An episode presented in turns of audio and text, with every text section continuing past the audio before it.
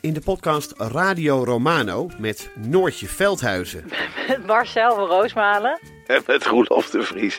brengen we alle drie elke week een zogenaamde signalering mee. Wat heb jij nou weer bij je? En aan het eind bepalen we wie de winnaar van de week is. Echt een angstcultuur Lege huls die je er bent? Ja, dat gaat eigenlijk altijd onvriendelijk. Luister nu naar Radio Romano bij Podimo. Via podimo.nl slash Radio Romano luister je 30 dagen gratis. De strijd om de miljoenen van Siewert van Liende is losgebarsten. Zowel de staat als zijn stichting eisen de mondkapjeswinst terug. Maar dat die opbrengst in ieder geval niet thuis hoort bij Van Liende, daarover kan toch eigenlijk geen twijfel bestaan. Hoe kon het zo ver komen? Dit is het. We hebben beet. En als Siewert het geld teruggeeft, kunnen wij dit schandaal dan eindelijk loslaten? Je hoort het in de Mondkapjesmiljonairs, exclusief bij Podimo. Ga naar podimo.nl slash mondkapjes.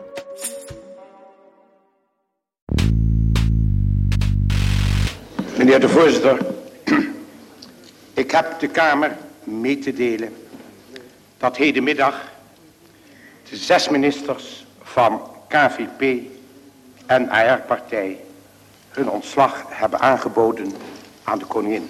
Ik zal uiteraard morgen, want het is nu te laat, een bezoek aan de koningin brengen om het ontslag van alle ministers aan te bieden. Vandaag moet ik u meedelen dat het de drie partijen die de politieke samenwerking zijn aangegaan, uiteindelijk niet is gelukt om tot gemeenschappelijke antwoorden te komen. Dit is Betrouwbare Bronnen met Jaap Jansen.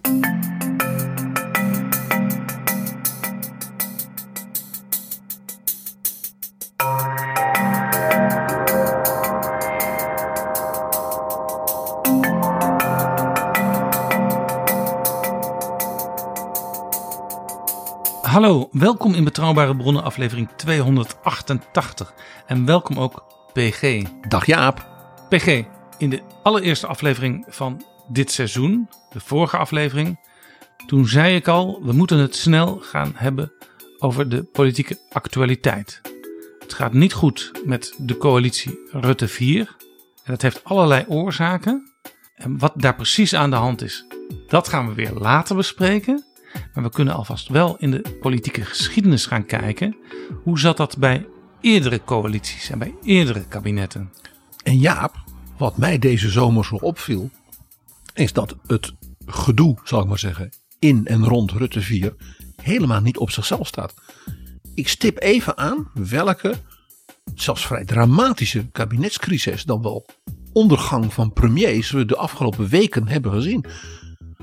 Boris Johnson, met een opstand van zijn eigen ministers tegen hem, met als gevolg nu een strijd om wie hem zou mogen opvolgen en dan een nieuw kabinet kan samenstellen.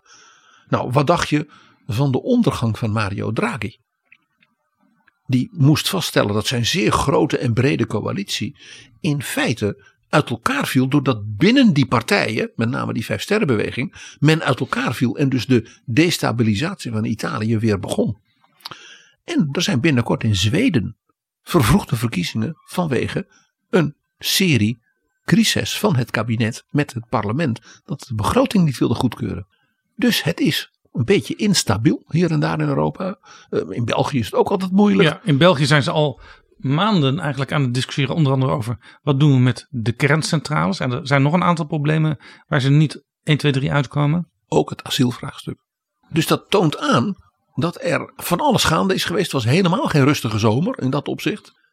En ja, ook Den Haag uh, ja, vertoonde deze hele zomer en vertoont nu nog een labiel beeld ja. in de aanloop naar Prinsjesdag. Er, er is natuurlijk het alles overstijgende punt van de energiecrisis en de inflatie.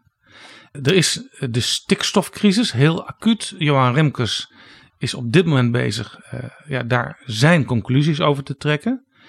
En er is de asielcrisis. Waarbij je ziet dat zowel de achterban van de VVD als de achterban van de ChristenUnie uh, ja, moeite heeft met ja, hoe het kabinet tot compromissen komt. Bij de stikstofcrisis zie je dat uh, zij het licht en verdekt de ChristenUnie ook moeite heeft. Maar met name natuurlijk CDA-aanvoerder Hoekstra door een interview het vuur naar zichzelf toetrok. Ja, ten aanzien de van Kamer eigenlijk tegenover uh, D66-fractievoorzitter Jan Paternotte staat. Nog opvallender. de gematigd progressieve fracties in de Kamer zijn de meest trouwe bondgenoten van het kabinetsbeleid ten opzichte van bijvoorbeeld CDA-leider en vicepremier Wopke Hoekstra. Ja, dat geldt niet overigens voor dat andere punt, het asielbeleid. Want daar is de hele Kamer van links tot rechts ontevreden over. Sterker nog, dat is nu ook eh, zichtbaar in de vier coalitiepartijen. Ja, nou dat geeft dus aan wat ik al zei, dat is een beeld van labiliteit. Uh, daarbij is de indruk ook door dat Kamerdebat uh, dat de sfeer binnen de co coalitieploeg zowel in het kabinet als in de Kamer, uh, nou, hoe zal ik het eens nou netjes zeggen, niet optimaal is. Niet jubelend. Zeg maar onder nul. En, en dat vind ik toch ook wel een opmerkelijk punt, de perspectieven zijn natuurlijk somber. Zowel economisch als richting de statenverkiezingen. En, en toch ook wel moet genoteerd worden dat uh, de premier van al die crises, inclusief Europa, Oekraïne, de oorlog, ja, daar niet een soort gezamenlijkheid van gemaakt heeft. En we gaan nu met z'n allen eensgezind moeilijke tijden tegemoet. Ja, en dat heeft zijn wortels, denk ik, ook in de kabinetsformatie. Sterker nog, helemaal aan het begin van de kabinetsformatie was daar dat geruchtmakende 1 april debat. Uh, waarin uh, Sigrid Kaag en Bobke Hoekstra ja, min of meer het vertrouwen in Rutte hebben opgezegd. En eigenlijk is dat vertrouwen fundamenteel nooit hersteld. Nee, en uh, er was een hele lange kabinetsformatie, de langste uit de geschiedenis. Waar uiteindelijk Johan Remkes met veel hangen en wurgen een einde aan heeft gemaakt. Die en die zit nu weer te hangen en wurgen. Bezorgd. En het, het, je zou, als je heel slecht denkt, kunnen zeggen: ja, we hebben geen kabinet Rutte meer, maar we hebben een kabinet Remkes. Ja, en, en, en uh, ik weet niet of Johan Remkes dat zelf nou een ontzettend goed idee van jou vindt, Jaap. Maar wat mij opviel, zeg maar deze weken, was bijvoorbeeld hoe premier Alexander de Croo van België, maar zeker ook Emmanuel Macron en deze dagen Olaf Scholz, met zeer krachtige ook zelfs toespraken tot het volk. Of ja, dit, ja, zij die zeiden, eensgezindheid. Zij hadden het over vijf, misschien wel tien zware winters die er aankomen. Het zal, het zal een moeilijke winter worden en de komende winters zullen denk ik over het algemeen uh, moeilijk worden. Maar als land kunnen we dit aan? En met het nodige zelfvertrouwen en met voldoende met elkaar uh, te kijken wat we kunnen doen en, en elkaar ook te steunen in moeilijke momenten. Pour beaucoup de générations dans notre pays, la guerre était une réalité qui n'existait plus sur le sol européen. De la même manière, la crise climatique, avec toutes ses conséquences, sont là, perceptibles. Et de nouveaux risques aussi apparaissent, ces derniers jours l'ont montré, comme le risque cyber. Ce tableau que je fais là, cette fin de l'abondance, cette fin de l'insouciance, cette fin des évidences, montre que c'est au fond une grande bascule que nous vivons, face à laquelle, évidemment, nos compatriotes peuvent réagir avec beaucoup d'anxiété. Et donc face à cela, je pense que nous avons quelques devoirs. Deed mij heel erg denken, maar dan in de overtreffende trap, aan Joop den Uil die toen we de gordijnen moesten dichttrekken in de jaren 70 in de oliecrisis, de energiecrisis dus, zei het zal nooit meer worden zoals het was. Besloten dat vanaf 7 januari benzine alleen nog op de bon te krijgen zal zijn. Dat betekent dat voor het eerst sinds de oorlog een jonge generatie zal kennismaken met distributie aan schaarste. Veel mensen zijn diep verontrust over de gevolgen die de oliecrisis kan hebben voor onze welvaart en in het bijzonder voor de werkgelegenheid.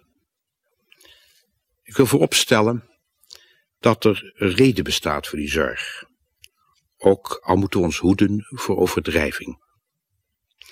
Vanavond richt ik mij tot u om zo duidelijk mogelijk te zeggen welke problemen ons volk nu onder ogen heeft te zien en hoe de regering die problemen het hoofd wil bieden. Ja, en de toen zeer jonge minister van Economische Zaken, Ruud Lubbers, met een trui aan in Rotterdam, Kralingen, de gordijnen thuis dicht deed om te laten zien hoe je dan kon besparen op de energiekosten. Ja, doet mij ook trouwens denken aan eh, minister van Sociale Zaken Melkert, die op een gegeven moment om een koude toeslag kwam bedelen in een hele dikke jas toen die voor de camera stond. Het plaatje wil ook wat, ja. Nee, maar even, we zitten nu te grappen vanuit het verleden en dat is ook goed. Maar het is natuurlijk opvallend dat een Macron Ja, dus de, de Fransen zich voorbereid op zeer zware tijden. En ook zegt, dan zullen we ook echt het samen moeten doen. Dus ik ga ook heel Frankrijk, bedrijfsleven, vakbonden, hè, maatschappelijke organisaties, ja, oproepen als president natuurlijk. Hè, eh, dat we dat ook gaan doen. Maar dat ook Scholz eh, dat nu weer eh, deed. En ook de Belgische premier.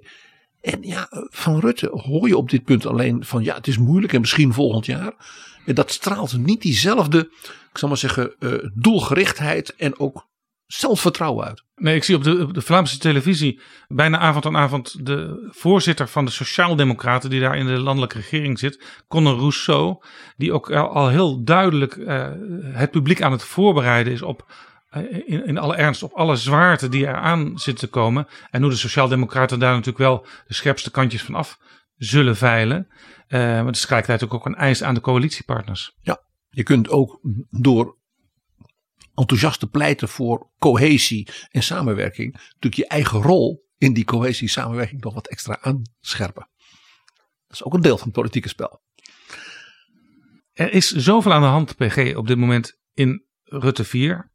Zowel in het kabinet als in de Kamer en in de fractie. En laten we de Eerste Kamer ook niet vergeten. En de leden, afdelingen, provincies uh, van de partijen, waar ook vaak ook rondom stikstof, maar ook rondom asiel, men heel actief is en bezorgd en ook manifesten en dergelijke. Ja, en op sommige punten, ik, ik noem het asielbeleid aan de ChristenUnie, zo'n partij ook in tweeën gesplitst is. Er was een enquête van één vandaag dat van de kiezers van de ChristenUnie 50% zich wel kon vinden in het nieuwe beleid en 50% absoluut niet.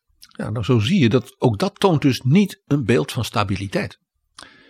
Dus PG, eh, er zou van alles kunnen gebeuren de komende dagen, weken, maanden, in ieder geval het komende half jaar, want die statenverkiezingen die zijn in maart, rondom dit kabinet, deze coalitie. Ja, en dan heeft men in de Haagse mediawereld de neiging om korte termijn te speculeren. En dat gaan wij dus niet doen. Dit is Betrouwbare Bronnen. Jaap Jansen en Pieter Gerrit Kroeger duiken in de politieke geschiedenis. PG, we moeten niet te veel gaan speculeren. Zeker niet. Maar we kunnen wel terugkijken in de politieke parlementaire geschiedenis. En daar zie je dus, ik zou bijna zeggen, patronen rondom coalities, kabinetten. Want we hebben in Nederland nu eenmaal hè, een land van minderheden. Dus je moet altijd clubs hebben die met elkaar proberen eruit te komen. Ja, het, het, het, het, grappige is zelfs, er wordt nu vaak geklaagd dat er zoveel partijen nodig zijn voor coalities. Maar dat was vroeger, uh, tot in de jaren zeventig was dat ook zo. Want toen had je bijvoorbeeld nog niet het CDA. Er waren altijd twee of drie christendemocratische partijen die ook meededen in een kabinet. En als je de Partij voor de Arbeid en je had de D66 en je had de Radicalen en en de liberalen. En dan had je nog DS70. Dat was ook een beetje... Eigenlijk is historisch gezien het probleem van die hoeveelheid partijen niet eens zo'n nieuw probleem. Nee. Er is één groot verschil. Dat de dominante partijen. Die waren groot. Die waren groot. Die hadden 45, 50 zetels. Precies. En dat maakt het verschil. Een belangrijke les. PG, zou je kunnen spreken over soorten coalitiecrisissen? Jaap, ik heb zitten piekeren met jou? En het antwoord op die vraag is ja. En nou is natuurlijk elke crisis in een kabinet of in een kamer of in een fractie of politiek in zichzelf uniek. Dat neemt niet weg dat ik toch vier soorten coalitiecrisis zie. En daarbij vier soorten. En wat gebeurt er dan als zo'n crisis zich echt heeft aangekondigd? Want onthoud een belangrijk ding ook juist voor nu Rutte 4, de oorzaak van de problemen, de crisis, is bijna nooit ook de aanleiding van het moment of de ingreep die tot de crisis leidt. En jij maakt dus ook onderscheid tussen de crisis in de coalitie en de crisis uiteindelijk in een kabinet. Dat kunnen heel verschillende dingen zijn, Jaap. En dat kan zul je zien. om zijn hè, dat de, de crisis in het kabinet ontstaat. Ja, maar die verschillende typen, daar is het zo belangrijk om die te onderscheiden. En dat crises in zichzelf altijd uniek zijn, daar geef ik twee korte voorbeelden van. Misschien wel de meest vergeten minister-president in ons land van de naoorlogse jaren is Fik Marijnen. Victor Marijnen van de KVP. 1963, 1965 was hij premier. Twee jaar lang. Vergeten. Waarom? Die werd eigenlijk per ongeluk premier, omdat de man die premier zou worden, meneer De Kort. Wimme de Kort. Wimme de Kort. Die was van de vakbondvleugel van de KVP. En die is in de kabinetsformatie door een, nou zeg maar, vies spelletje van de informateur, ook een KVP'er, en Soesdijk, in feite als aankomend premier onmogelijk gemaakt. Ja, die informateur, dat was Beel. Dat was eigenlijk de Remkes van, van toen, zou je kunnen zeggen. De onderkoning. Dus toen moesten ze ineens een premier vinden. Die niet Wim de Kort was. En toen hebben ze de minister van Landbouw gevonden. Want die was uh, rustig. En de boeren vonden het een prima man.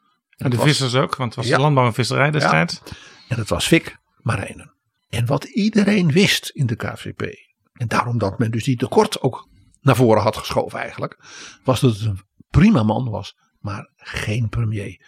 Dat ministerie dat kon hij nog doen. Maar dat totaal de greep erop hebben.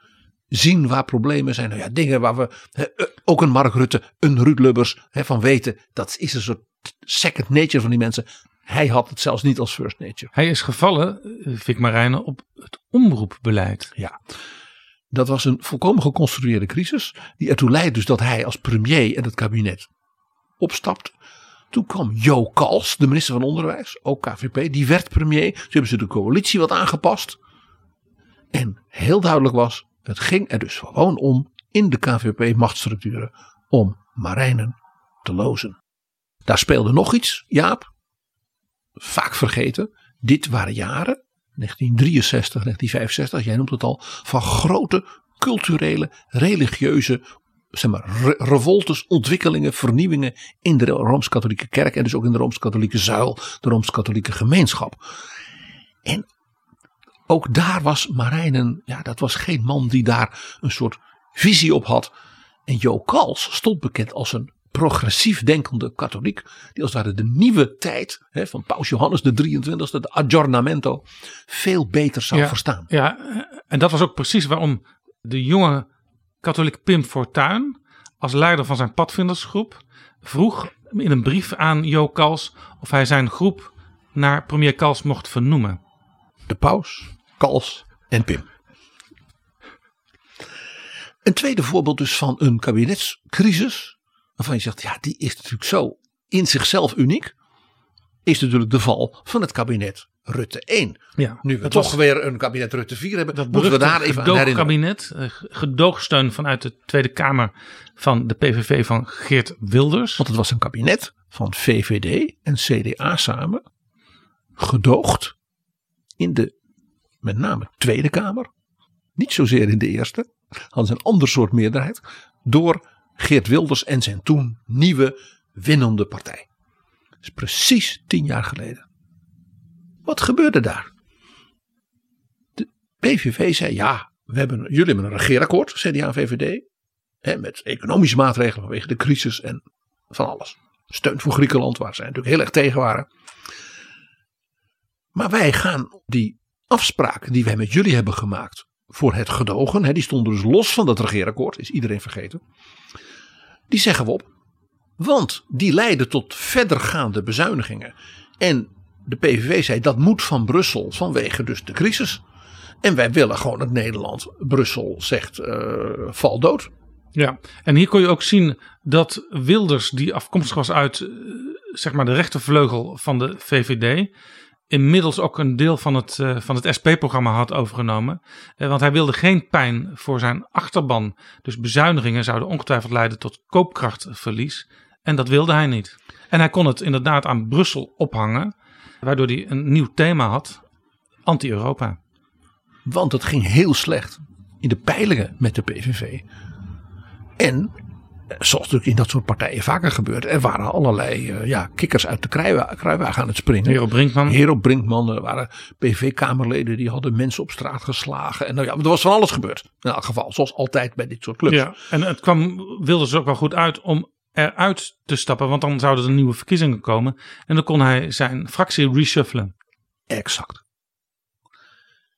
En het interessante is dus dat de val van Rutte 1 door het opzeggen van dat gedoogakkoord en het weglopen van de gedoogpartner dus niet leiden tot collaps van het beleid van dat kabinet Rutte Verhagen. Ja, want VVD en CDA, die toch eigenlijk al samen rooiden, die konden in de Kamer een nieuwe meerderheid organiseren met CDA, GroenLinks en ChristenUnie, de Kunduz-coalitie. En op een bepaalde manier lijkt dat dus een beetje op de val van Fik Marijnen.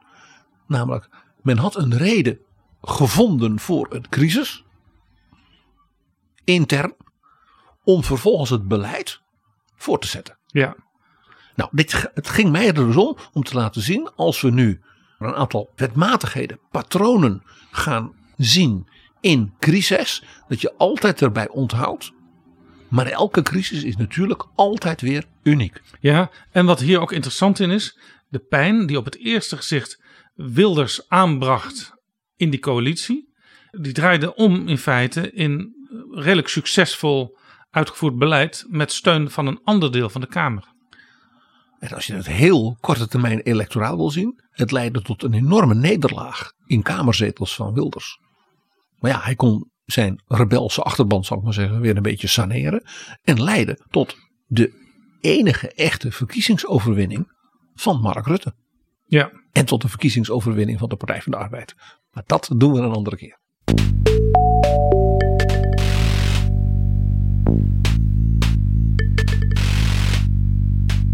PG, elke crisis in een coalitie en in een kabinet is dus altijd weer uniek. Maar wat komt er altijd terug? Wat zie je altijd weer?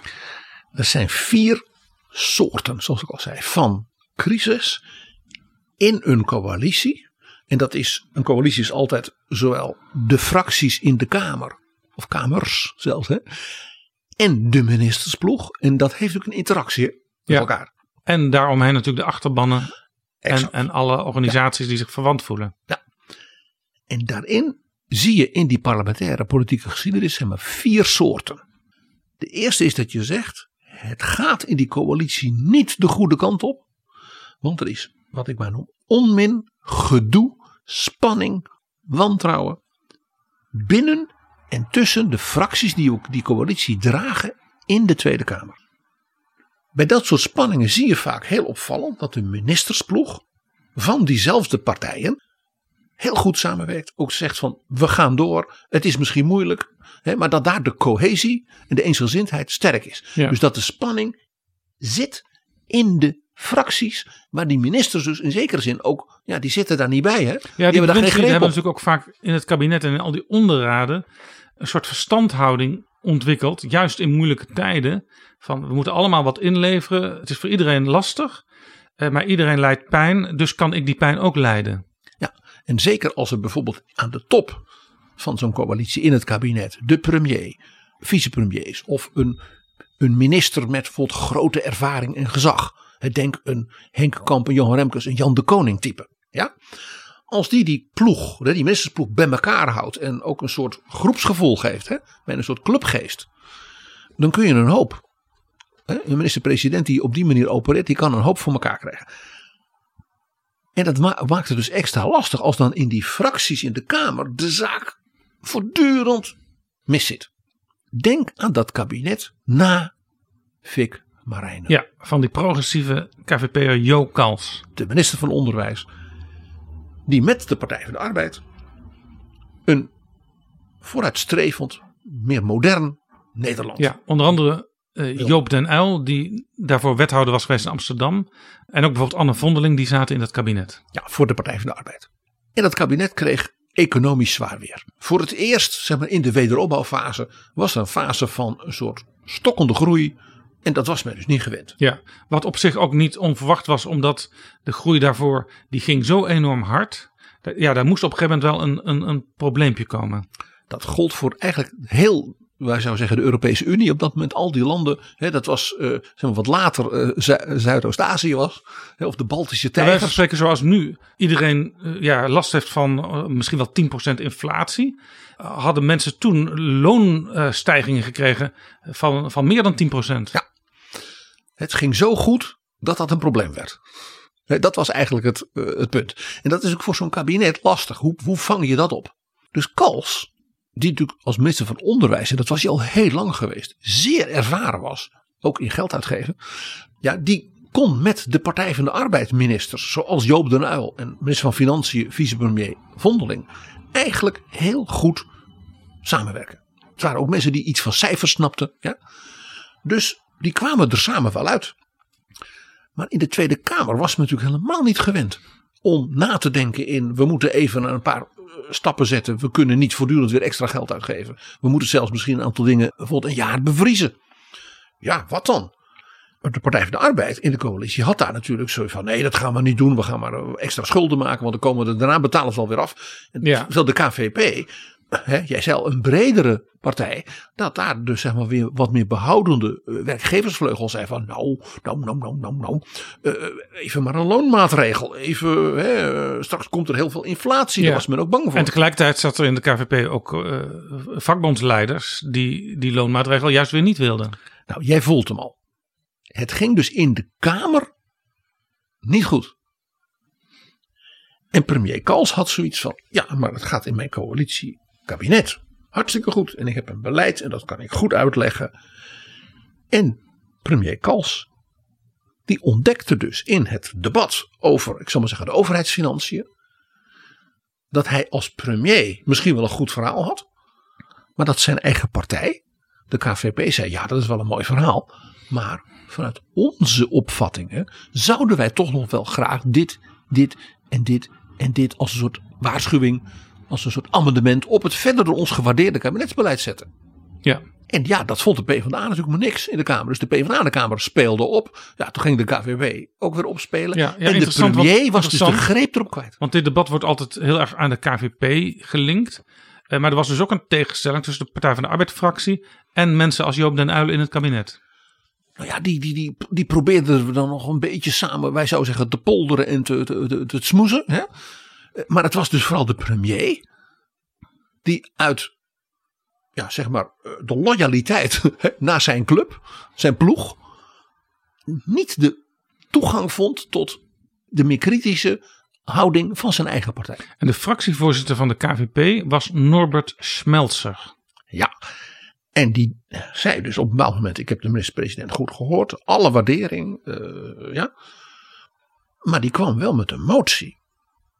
Namens de KVP en dus niet namens de Partij van de Arbeid. Dus het was niet een motie van de coalitie. Dus daar zag je in feite al de breuk zich voltrekken. Want normaal, als het zo lastig is in een coalitie. En als de Kamer dan de doorslag moet geven, omdat het daar gedoe was. Dan probeer je met een motie te komen die tenminste door die coalitiepartijen allemaal gesteund wordt. Precies. Voor wat betreft het probleem van de prioriteiten voor de toekomst is een antwoord gekomen dat ons nog onvoldoende houvast heeft gegeven. Houvast voor de verwachting dat 1968 en latere jaren niet zo zwaar belast zouden worden dat die evenwichtige ontwikkeling, evenwichtig tussen middelen en bestedingen, maar ook tussen overheidssector en particuliere sector niet zou worden verstoord. En voor wat betreft de eerste vraag, namelijk het door ons gesignaleerde uitgavenpeil dat in combinatie met de structurele dekking naar onze mening onvoldoende waarborgen bevat om die evenwichtige ontwikkeling in de toekomst te bevorderen en voldoende waarborgen om geldontwaarding tegen te gaan en werkloosheid te voorkomen. Bij die eerste vraag hebben wij de regering niet kunnen overtuigen van de juistheid van onze visie. De regering heeft ons niet kunnen overtuigen van de juistheid van haar visie. Dus die motie van Schmelzer met een aantal kanttekeningen bij het zeg maar middellange termijnbeleid van Financiën werd dus door de PvdA-ministers en de PvdA-fractie als een motie van wantrouwen gezien. In deze motie, die mag bepaald niet, ik zeg dat in alle oprechtheid, worden opgevat als een gebrek aan vertrouwen in het gehele regeringsbeleid. Ik kom terug op, ik kom terug op mijn uitspraak dat veel van dit regeringsbeleid door ons positief wordt gewaardeerd. In de tweede plaats, meneer de voorzitter, ook dat zeg ik in oprechtheid, mag deze motie niet worden opgevat als een motie tegen de politieke combinatie van dit ogenblik en komt zij uitsluitend voort uit de zorg die wij hebben op het door mij aangegeven punt van de financiële economische ontwikkeling en de verantwoordelijkheid die wij daarvoor als Kamerlid dragen. Smeltzer heeft tot zijn dood, en hij is heel erg oud geworden, altijd volgehouden. Dat was volstrekt niet wat mij betreft aan de orde. Ik was wel kritisch, maar dat mag toch. Toch zag het publiek dat anders en ook de journalisten. Uh, het is niet voor niks ook de nacht van Smeltzer. Het werd een begrip. Genoemd, het werd een begrip. Maar hij werd een beetje als sluwe politicus gezien. Uh, de gladde tackle met een kluif in zijn bek. Zo werd hij afgebeeld in de spotprenten. Ja. En wat je hier dus zag was dat de premier vanuit zijn ploeg niet meer de greep erop had. Dat hij als het ware zei van ik begrijp heel goed dat de heer Smeltzer dat wil. De heer Smeltzer zal heel goed begrijpen dat wij als kabinet natuurlijk ons beleid dat hij waardeert voortzetten. We houden zeer goede rekening. Nou, je, hoort hoe een Lubbers en we zou nu zeggen een Rutte dat waarschijnlijk moeiteloos zou hebben opgepakt. Kals kon dat niet of niet meer. En toen leidde het er dus toe dat Kals degene was die als het ware de motie Smeltzer ging interpreteren, zeg maar framen, als een aanval op zichzelf. Ja, ja. in feite nam die het beeld wat in de Partij van de Arbeid gevestigd was, nam die over. Ja, hij identificeerde zich dus meer met zeg maar, de insteek van de ploeg. En minder van de coalitie als geheel en die van zijn eigen partij. Dus er was ook sprake van een zekere vervreemding. Die dus voelbaar werd ineens. En dat was eigenlijk heel onverwacht. Uh, nee. Dank u wel, dank u wel. Uh, uh, kijk eens. nou, dat, dat gebeurt alleen als je weggaat. Hè? Dan, dan beginnen ze weer een beetje te waarderen waarschijnlijk. Maar ehm, ik kan geen commentaar geven. Het kabinet gaat zich beraden. En daarna zal ik naar de koningin gaan. En voordat ik iets aan de koningin heb medegedeeld, kan ik natuurlijk niet uh, aan iemand anders mededelen. Zou u misschien dat wil ik ook namens alle andere leden van het kabinet zeggen. Zou u misschien wel iets kunnen zeggen over het feit dat het de KVP is geweest die deze motie, uh, uw eigen partij die deze motie heeft ingediend en aangenomen? Nou, het is, uh, ik wou daar geen commentaar op geven, maar wie mij kent en weet hoe lang ik voor de KVP altijd gewerkt heb, die kan dat zelf wel bedenken. Nou, dit is een heel mooi voorbeeld dus van hoe een coalitiecrisis langzaam groeit. En ineens dus het in de Kamer tot een, Ja, tot een botsing ja, komt. terwijl het kabinet in feite een eensgezind beleid voert. Waarvan men, als je objectief kijkt, daar had men prima nog een aantal jaren mee door kunnen gaan. Ja, en dat was dus het einde van de politieke carrière van Jo Kals. En Schmelzer die werd daarna nog wel kort minister van Buitenlandse Zaken. Maar eigenlijk was het met zijn carrière eh, enige tijd daarna ook afgelopen. En eh, hier werd ook de basis gelegd voor de polarisatie vanuit de Partij van de Arbeid naar de KVP. Ja, het leidde ook tot de definitieve einde van dus de klassieke rooms-rode coalities eh, van de wederopbouw. Maar ja, 1966 was ook die wederopbouw, hè, we zeiden het al, een beetje echt voorbij. Hè, er was massawelvaart. De economie ging dus ja, ineens wat stokken ook door dankzij die economische groei, dankzij de wederopbouw. Er was een nieuw Nederland in aantocht. Ja, en juist ook door die welvaart, het ging overal goed, het stokte even. Werd juist in dat jaar ook een nieuwe partij opgericht, D66, die ook op een andere manier naar de politiek ging kijken. En die vond dat de politiek toch nog steeds wel ja, wat regentesk was. En ook dat moest volgens die nieuwe partij gaan veranderen. Dus het was een, echt een sleuteljaar in de Nederlandse naoorlogsgeschiedenis. Veel meer dan bijvoorbeeld 1968.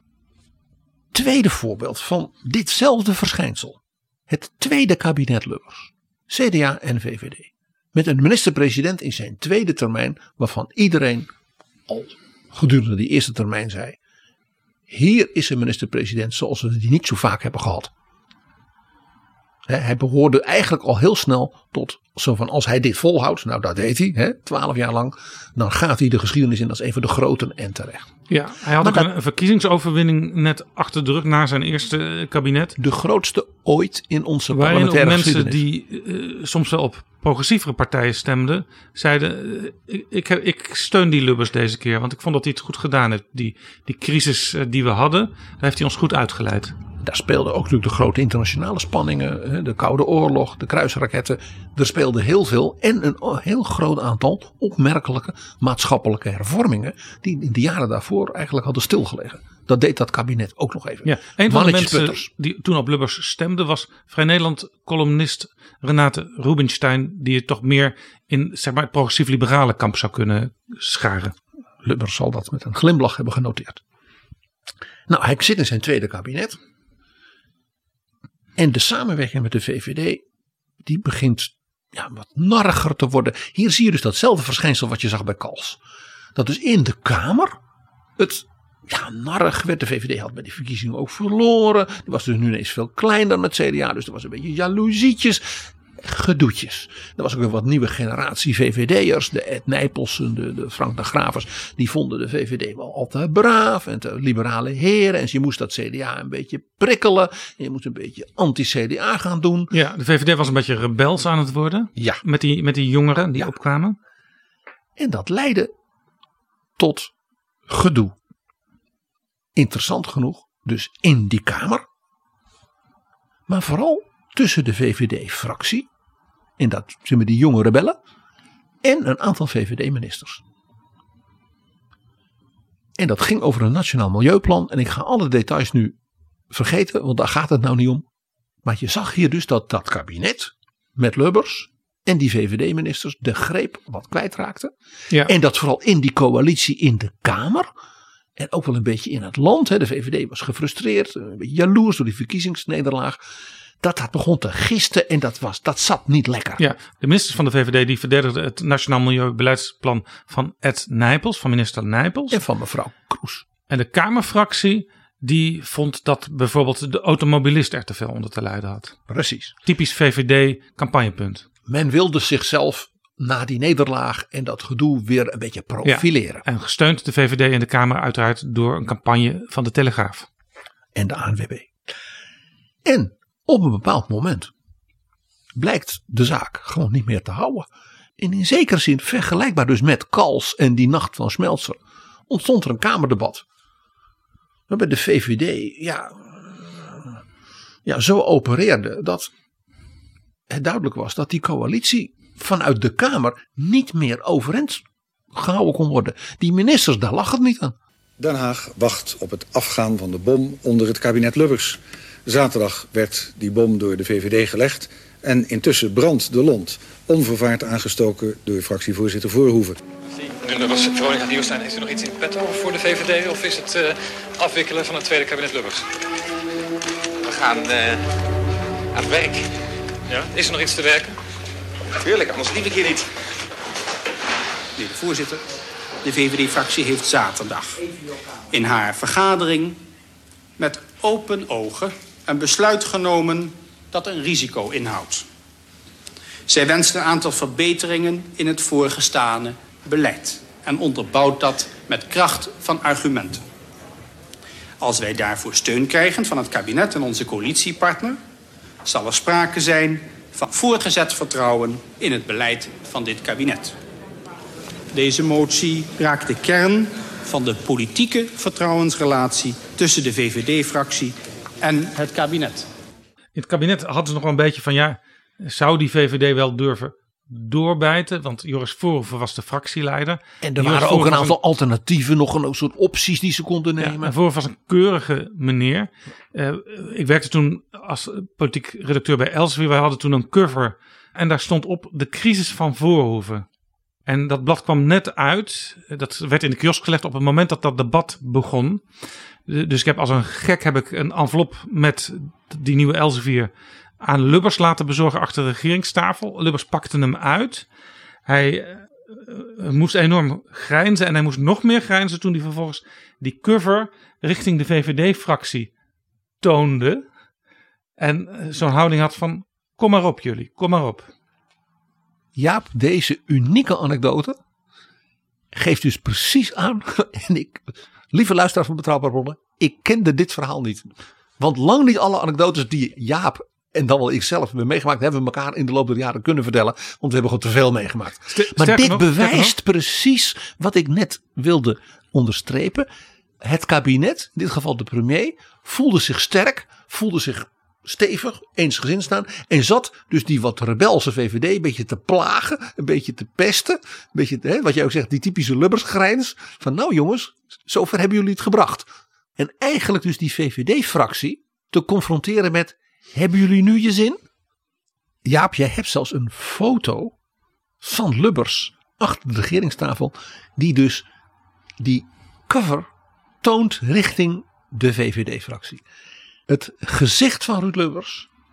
Ik zou een uur nu voor onze luisteraars kunnen gaan vertellen over de gelaatsuitdrukkingen, de grijnzen, de manier waarop Ruud Lubbers dingen deed. in, in, een, in een minuut. Hij kijkt aan de ene kant heel ontspannen. Je kan me wat.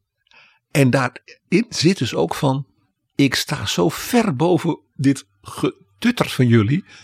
Dit wordt een leuk debat, want in dit debat maak ik jullie af als je niet oppast. Als u zegt, wij, wij kunnen dat niet dragen, dan aanvaard ik dat als politieke vriend. Dus ik kan daarmee leven als u een andere opvatting eh, huldigt en het kabinetsbeleid niet steunt. Dat is de grens die je kunt gaan in het dualisme. De vraag is of je met elkaar dat verschil van mening, want het is er, of je met elkaar dat verschil van mening, of je daarmee kunt leven, of dat u zegt, ja, ik kan er niet mee leven. Ik begrijp uit uw woorden dat u een verschil van mening wilt laten voortbestaan. Eh, ook als eh, een van de coalitiefracties daar zo zwaar aan tilt. Ik vraag me sterk af of dat eh, een, een, een goede en verstandige uitkomst van dit debat zou zijn. En we zien hier dus in zekere zin, Jaap, een vergelijking dus met de totaal andere persoonlijkheid en omstandigheden van Jokals. Die ook dacht, ik ga die regeringsfracties, die coalitiefracties, hè, toen zijn eigen fractie, de KVP, Lubbers hier nu, de VVD, even een poepie laten ruiken, om het maar zo te laten zeggen. En even markeren waar ik sta. En dan komen we er wel uit. Er was wel een cruciaal verschil met Kals. Dat Lubbers, die voelde zich natuurlijk politiek zo sterk. Hij had de verkiezingen gewonnen. En er was uiteindelijk een uitwijkmogelijkheid. Na verkiezingen zou hij ook met de Partij van de Arbeid kunnen gaan samenwerken. En toch, Jaap, en toch. Een ronde op af. Kals stond ook sterk. Kals was behoorlijk populair. En het was met name de Partij voor de Arbeid van Vondeling en Den Uyl die toen in de peilingen niet zo goed stond. Zo zie je maar. Nou, hier zien we dus eerste patroon, crises die ontstaan in de Kamer, binnen de coalitie, tussen de coalitiefracties, terwijl het kabinet, de bewindslieden, de premier het gevoel hebben van wij zijn goed bezig, laat ons het land maar stu- En laat, laten we het nu omkeren, PG. Onmin in de ministerraad als oorzaak van een crisis. Ja, want ja, dat is het andere patroon wat je in crisis vaak ziet. Dat de fracties in de Tweede Kamer die de coalitie steunen, die hebben zeggen we hebben een akkoord. We gunnen elkaar wat. Jij wil dat. Dat vinden wij prima. Jij wil dat, wat extra geld voor dat. Dat wat vinden wij, vinden wij dan weer prima. En zo houden we de zaak op orde. Een stevige, gedegen cohesie van die fracties. En die fracties die zien dan dat in de ministerraad de ene toestand naar de andere, een schorsing, een minister die bijna wegloopt, een staatssecretaris die ten val komt. En dat dus in de ministerraad gewoon niet loopt. Zo'n kabinet schiet me meteen te binnen, PG. Hebben we alles besproken toen we het over eh, de rampzaligste kabinetsformatie aller tijden hadden. En dat was niet die van afgelopen jaar. Dat was die van eh, 1981. Toen Dries van Acht, Joop den Uyl en Jan Terlouw, dus drie partijen, samen een kabinet moesten vormen. Eh, dat lag gewoon zo besloten in de uitslag van de verkiezingen. Van Acht en Den Uyl, die, ja, die gewoon campagne tegen elkaar hadden gevoerd. En, eh, En een hoop bagage nog hadden die het uit het verleden. Langzamerhand persoonlijk niet heel goed meer met elkaar konden vinden. En dan nog eh, Jan Terlouw van, van dat brave D66 erbij. Die moesten met z'n drieën gaan rooien. Nou, dat lukte en Jaap- in de informatie al niet. En dat kabinet werd helemaal een ramp. En vergeet niet Jaap, D66 was de winnaar in veel opzichten op het zeg maar, middenlinks. Ja, van want dat was altijd een, een, een relatief kleine partij geweest. Maar die hadden nu voor het eerst 17 zetels. En de Partij van de Arbeid was in één klap de volledige triomfwinst van Ome Joop van 1997 kwijtgeraakt. Zodat het CDA nu nadrukkelijk de grootste partij was. Wat Van Acht, en dat zij hem gegund, natuurlijk als een bevestiging van het vertrouwen van de kiezers in hem als premier Ja, zag. En de politieke psychologie was natuurlijk dat Van Acht in alles uitstraalde dat hij heel graag door was gegaan met zijn vriend Hans Wiegel, met wie hij het vorige kabinet had gevormd. En het voor de Partij van de Arbeid natuurlijk psychologisch na die grote triomf in 77 zo bitter was. Als ze weer wilden regeren, dan moest dat, ja, dan moest je het CDA de premier laten leveren. En dat kon er maar één zijn. En dat was dus die vermalendijde Dries van Acht. Dus in dat kabinet, dat heeft maar een half jaar gezeten, maar dat heeft als Acht het ware- maanden. Ja, dat heeft meer crisis gekend dan andere coalities die zeg maar twee, drie kabinetten vormden. Ik heb natuurlijk persoonlijk, dat weet jij, eh, eh, ja, middenin gezeten. Omdat ik de rechterhand werd van een van de bewindslieden, staatssecretaris Wim Deetman. Even heel kort samenvattend. Joop den Uyl, omdat hem wat gegund moest worden, die werd superminister. Voor het eerst werd toen sociale zaken ook het ministerie van Werkgelegenheid. En hij mocht banenplannen gaan maken. En over die banenplannen was voortdurend gedoe al in de kabinetsformatie en ook daarna. En ondertussen eh, werden de economische en financiële cijfers steeds slechter. Om de twee, drie weken moest minister Fons van der Stee, een door en door aimabele en beminnelijke man, dus weer nieuwe tegenvallers. Weet je, want dan ging het, het financieringstekort was dus niet 5,7, maar dan drie weken later was het 6,8. Ja, dus alle En- ministers die kregen op een gegeven moment ook een enorme hekel aan steeds weer die nieuwe berichten van Van der Stee. Dat was, is ook een van de redenen waarom later Zalm, toen hij minister werd, een norm heeft gemaakt. eh, Waardoor het niet elke drie weken opnieuw in de ministerraad besproken hoefde te worden. En het antwoord van Den Uyl was dan altijd: wacht op mijn banenplan. Wat vanuit zijn manier van denken begrijpelijk was. Daarom, dat is de tragiek ook voor dit kabinet. Was dat als dus Fons van der Steen met nieuwe tegenvallers kwam. Dat Den Uyl dan de oplossing al in de zak had. Namelijk nog meer uitgaven door hem voor zijn banenplannen. Ja, want dat was natuurlijk het probleem. Dat kostte eh, sloten met geld. En ja, het Nederlandse beleid was traditioneel altijd, ook vaak met Partij van de Arbeid-ministers op Financiën. De tering naar Eh, de nering. Als het slecht ging met de economie, dan zou er ook door de overheid bezuinigd moeten worden. Wat overigens economisch een, rare werkwijze is. Nu wordt daar ook anders over gedacht inmiddels. Maar toen was dat het beleid. Ja, en het punt was dat dus Den Uyl dan tegen de andere PvdA-ministers, zoals Jos van Kemenaar op onderwijs, waar ik dus bij zat, zal ik maar zeggen, dan zei ja, we moeten wel bezuinigen ook nog om Van der Stee tegemoet te komen. Eh, maar mijn banenplannen moeten eigenlijk nog verder worden opgetuigd. Dus dan, Jos, moet jij maar extra bezuinigen, ik zal maar zeggen, op universiteiten. Ja, want jij werkte toen op onderwijs. Dus dat leidde ook tot enorme spanningen zeg maar, in die PvdA-ploeg. Die dus het gevoel had, met Joop valt niet meer te praten. Dat werd letterlijk ook zo gezegd. Dus wat gebeurde er? In dat kabinet ging het volledig mis. Goedenavond, dames en heren. In Den Haag is zojuist de vergadering van het kabinet hervat over de nieuwe bezuinigingen. Daarover in Den Haag Charles Wietert. De ministers die er al een hele dag van vergaderen op hebben zitten, hadden eigenlijk om half negen vanavond weer aan het slotgesprek zullen beginnen. Het werd dus anderhalf uur later. Dat slotgesprek gaat over het definitieve eindvoorstel van de premier om uit de problemen te komen. Men kan er alleen ja of nee tegen zeggen. Geen nieuwe veranderingen dus meer. Maar terwijl de premier vanaf 6 uur vanavond dat aan dat eindvoorstel zat te werken, kwamen de Partij van de Arbeid-ministers met een laatste voorstel van hun kant.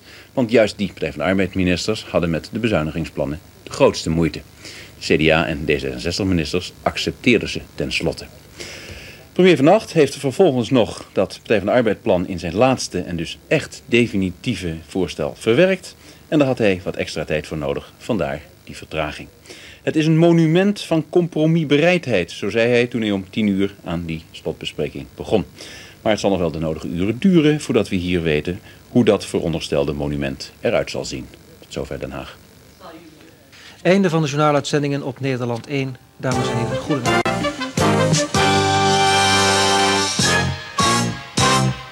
De fractieleiders in de Tweede Kamer van het CDA was dat Ruud Lubbers. Die hadden zoiets van: we hebben nu een kabinet, we moeten zorgen dat dat slaagt. Want de crisis is, is zwaar en er moet worden ingegrepen en we steunen daarin. Dus Lubbers die heeft ook persoonlijk wel eens tegen mij gezegd: ja, Wim Meijer hè, van de Partij van de Arbeid en Brinkhorst van D66. Wij liepen voortdurend met zuurstofmaskers naar de ministerraad, zodat ze nog weer even ademhaalden. Ja, ja, debatten die ik toen ook eh, als jongeling wel bijwoonde. Daar zag je eigenlijk dat die drie fractievoorzitters in de Kamer het heel goed met elkaar konden vinden. En ook in grote lijnen steeds wel eh, ideeën en plannen hadden om eruit te komen. Eh, maar in dat kabinet was het zuchten en kreunen. Ik vond dat beeld van Lubbers zo prachtig. Dat zei hij in een gesprek. Dat kwam er ook bij hem. Vloepte. Wij, wij holden maar met die zuurstofmaskers door Den Haag. Nou, je ziet het bijna voor je. Ja, je kunt natuurlijk niet een kabinet hebben waarin de ministers, zelfs binnen dezelfde partij zoals de Partij van de Arbeid, niet met, met elkaar door één deur kunnen. En dan kun je nog zulke loyale fracties hebben en inventieve fractievoorzitters als Wim Meijer en zeker Ruud Lubbers. Dat hou je niet vol en dat bleek dan ook. Ja. Binnen enkele Ja. maanden was het over. Ja, ja, het was in de Partij van de Arbeid ook zo dat alle ministers een keer erbij op Den Uyl hebben op aangedrongen om een stap terug te doen. Eigenlijk ook het leiderschap over te dragen aan André van der Lauw in dat geval. En bijvo- bijvoorbeeld in D66 kwam er een kloof tussen Jan Terlouw, die aan eh, de Van Acht kant stond, en Van Mierlo, die ook minister was, en Brinkhorst in de Kamer. Ja, ja, want ja, Van Mierlo had natuurlijk een warme band met ome Joop. Dus dit kabinet is een, een, een- ja, dan ook een klassieker. Hè, ook door de, natuurlijk de zeer kleurrijke persoonlijkheden die in die tijd eh, de Nederlandse politiek Ja, als je, domineerden. als je echt eh, wil weten hoe het echt eh, aan alle kanten in zo'n kabinet zelf mis kan gaan. dan zijn er wel een paar boeken die ik kan noemen in de beschrijving van deze aflevering. Die je zou kunnen lezen. Ik heb zelf als jochie de, was ik de notulist in de Tweede Kamer van de CDA-fractie. En was daarna dus de rechterhand van een van de bewindslieden. Dus in mijn boek De Rogge staat er dun bij. Geef ik toe dat ik wel extra pagina's, ook uit mijn eigen aantekeningen. En natuurlijk met de wel zeer kleurrijke figuur Dries van Acht. En de bijzondere figuur Ruud Lubbers. Die natuurlijk allemaal toen al een rol eh, zo speelden.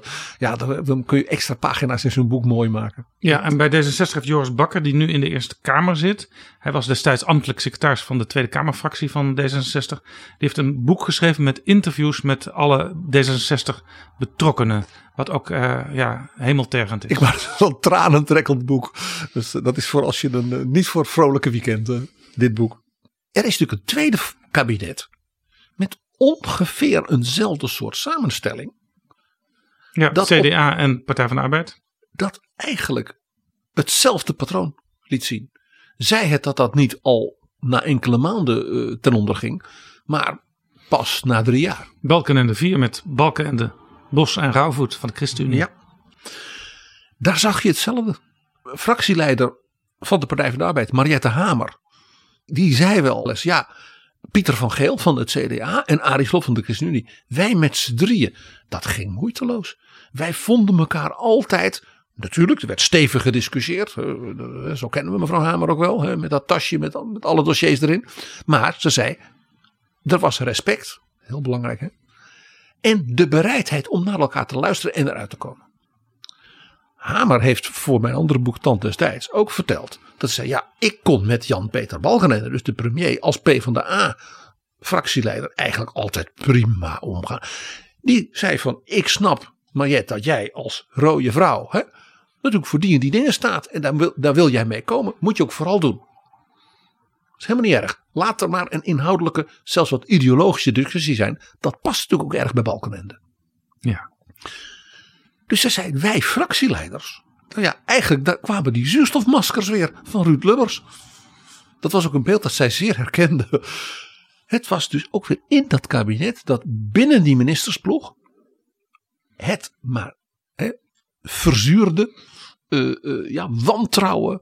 Er werd voortdurend geroepen dat men zat te, te, te, te lekken en te spinnen tegen elkaar. eh, vanuit de staf en zo. Nou, als je dat. Balken was in feite eh, de opvolger van Van Acht en Bos de opvolger van Den Uyl in deze casus. Zo is dat. Zo is dat. En het ging op een vergelijkbare zij het veel langzamer in de tijd, uitgerekte tijd, op een vergelijkbare manier mis. En daarbij speelde, net als in dat kabinet van 8-2, dat ook binnen de P van de A aan het leiderschap van de nummer 1, toen Joop de Nuyl daarvan mij zei: Joop, je bent eigenlijk ja, passé, het gaat niet meer met jou. Daar speelde dat men zei: ja, Wouter Bos als minister van Financiën is vooral bezig met het gedoe in het kabinet. En onvoldoende met de dingen van de PvdA. Om, Ja.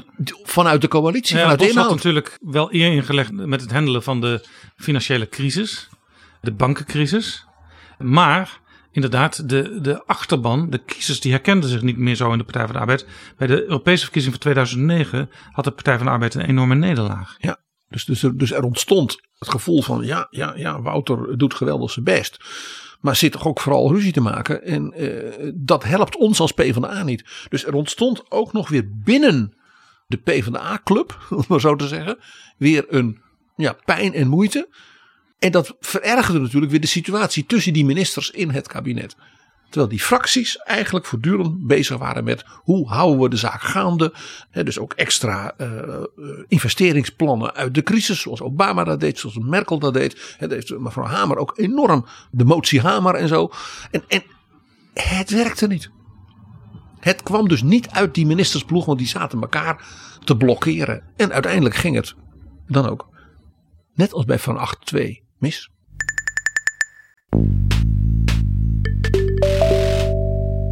Dit is Betrouwbare Bronnen, een podcast met betrouwbare bronnen.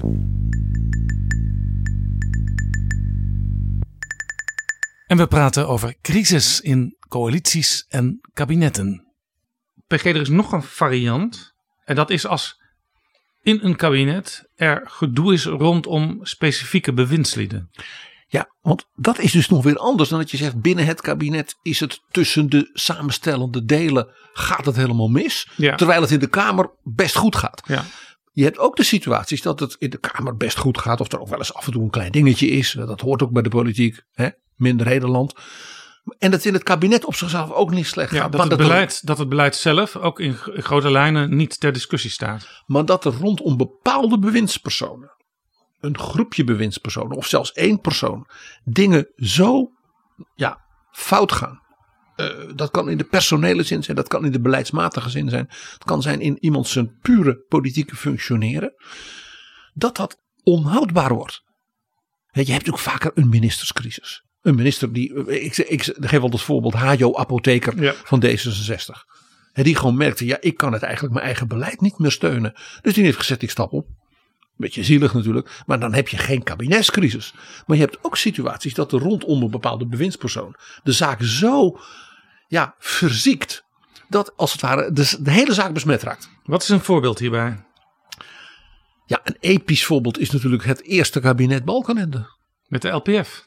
Ja, die LPF-ministers die elkaar dermate ja, nou ja, de tent uitvochten of wat voor termen je ook moet gebruiken. Herman Heinsbroek. Herman Heinsbroek, Eduard Bonhoff.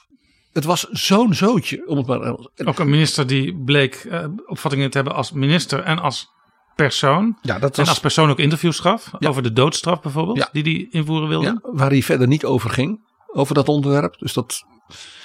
Ja. eh, dus het was politiek, ik zal maar zeggen, allemaal wat grofstoffelijk. Vooral buitengewoon onervaren. Eh, met tegelijkertijd een enorme pretentie. Wij zijn de mensen die namens Pim hè, het volk als het ware vertegenwoordigen. Ja, dat kon niet goed gaan. Nee, en die Eduard Bomhoff die leidde ook het bewindsliedenoverleg van de LPF. En die gaf op een gegeven moment ook opdracht om een belletje aan te schaffen in een eh, kantoorboekhandel. Zodat hij kon tringelen als hij vond dat het stil moest zijn aan tafel. Ja. Het is een vergadertechniek, zal ik maar zeggen. Dit kon niet goed gaan. En dat had dus niet te maken met het feit dat in die coalitie men het niet eens was. Bijvoorbeeld eh, het tussen die fracties. Hè, zoals bij eh, Kals en zoals bij Lubbers 2. Het was ook niet zo dat het, als het tussen die bewindsliedengroepen. Hè, bijvoorbeeld tussen CDA en VVD. CDA had enorm gewonnen, de VVD had enorm verloren. Dat je denkt, dat was bij Lubbers 2 eh, hè, onder andere een, een, een aanleiding. Ook bij Van 8 2 voor spanningen. Was niet aan de orde. Incompatibiliteit des humeurs. Hè, dat soort termen worden vaak in het Frans ook in de Nederlandse politiek gebruikt. Waardoor je zegt, jongens, dit gaat helemaal fout. En het ging dus ook fout. En het betekent ook meteen de ondergang van de LPF. Want het was merkbaar dat dit type partij, dat dit type mensen trekt en ook bewust zelf selecteert. Het was geen toeval dat ze daar zaten. Dat je daar een land niet mee kunt regeren. Nee. Het kabinet wat daarop volgde, Balkenende 2, had een talentvolle nieuwe minister. Zij heette Rita Verdonk. Van de VVD. En, En Gerrit merk- Salm had haar het kabinet ingehaald. Ze dachten, daar hebben we wat aan, aan die dame. Gerrit Salm had als partijleider van de VVD gezegd: wij moeten nieuwe, jonge mensen binnenhalen. Eh, niet te veel uit het Haagse wereldje, maar van buiten. Dus die kwam met een jonge topvrouw uit Shell Azië, Annette Nijs, naar onderwijs. Een gevangenisdirecteur die zou vreemdelingenzaken doen, mevrouw Verdonk. En een jonge HRM-manager van Unilever, die ging sociale zaken doen, Mark Rutte. Maar het ging uiteindelijk om Verdonk in het gedoe in dat kabinet. Ja, want in zekere zin is het kabinet, eh, ja, je hoort mij lachen Jaap, is het kabinet Balkenende 2 op een vergelijkbare manier gevallen als dat eerste kabinet Balkenende. Alleen, ja, in dat tweede kabinet zat de LPF niet meer, want die partij had zichzelf ja, doen ontploffen. Maar het probleem zat in de VVD. En dat was dat mevrouw Verdonk, ja, die werd door eh, mensen in haar partij als ware omhoog gepraat als zeg maar de Nederlandse Thatcher. En eh, hè, dat was een vrouw die een enorm leiderschap zou hebben en die zou ja, de eerste vrouwelijke premier worden. Dus die werd bewonderd en opgevreden. En zij liet zichzelf dat wel erg graag aanbeunen. Ja, en zij ging ook over een heikel beleidsterrein, namelijk het vreemdelingenbeleid. Dus dat was heel profilerend, was het idee. Nou, in de VVD ontstond er een leiderschapscrisis. Die gaan we nu niet behandelen. Maar dat leidde ertoe dat dus die ene groeibriljant van Gerrit Salm, Mark Rutte, en die andere groeibriljant, Rita Verdonk, het tegen elkaar gingen opnemen. Dat was natuurlijk een recipe voor disaster in een coalitie waarin je probeert de zaak bij elkaar te houden. Als dus in een van die partijen er een machtsstrijd ontstaat tussen twee figuren en één daarvan zit ook nog in het kabinet, ja dan... eh, Ja, en in het vorige kabinet kon je nog zeggen, ja, de LPF is een partij zonder ervaring. Maar dit was notabene de VVD, die in veel regeringen deelnam. Waar ze ervaren zijn en meestal vrolijk en we doen niet moeilijk en Dixieland muziek. Precies. Nou had, denk ik, premier Balkenende, met steun van mensen als de Remkes, de Henk Kampen en Stef Bloks en zo in de VVD, dat nog wel kunnen managen. Maar ongeveer op hetzelfde moment ging er in een andere, veel kleinere coalitiepartij, de zeeën ook heel hoog. En een beetje vergelijkbaar. Gedoe tussen personen, waardoor ook de samenhang, de cohesie in D66, want daar hebben we het over, ook eraan ging. Ja, want eh, in D66 was al een crisis geweest. De vicepremier Tom de Graaf die was opgestapt. En de fractie had hem niet gevolgd uit het kabinet. Nee, wat hij zeer graag had gewild, maar dat gebeurde dus niet. Want de fractie zei, die punten waarop Tom de Graaf het kabinet uit is gestapt, die vinden we belangrijk. Maar D66 heeft nog andere punten die wij ook belangrijk vinden. En we willen ons juist ook op die punten meer gaan profileren. En daar kregen ze ook de ruimte voor van VVD en CDA. Want die coalitie had een stevig wijgevoel. Dat liep prima in dat kabinet. Redelijk. Totdat Verdonk zo enorm ging opspelen. En zeker ook in die Kamer. Het was dus vooral binnen de VVD en binnen D66 dat de zaak begon te gisten.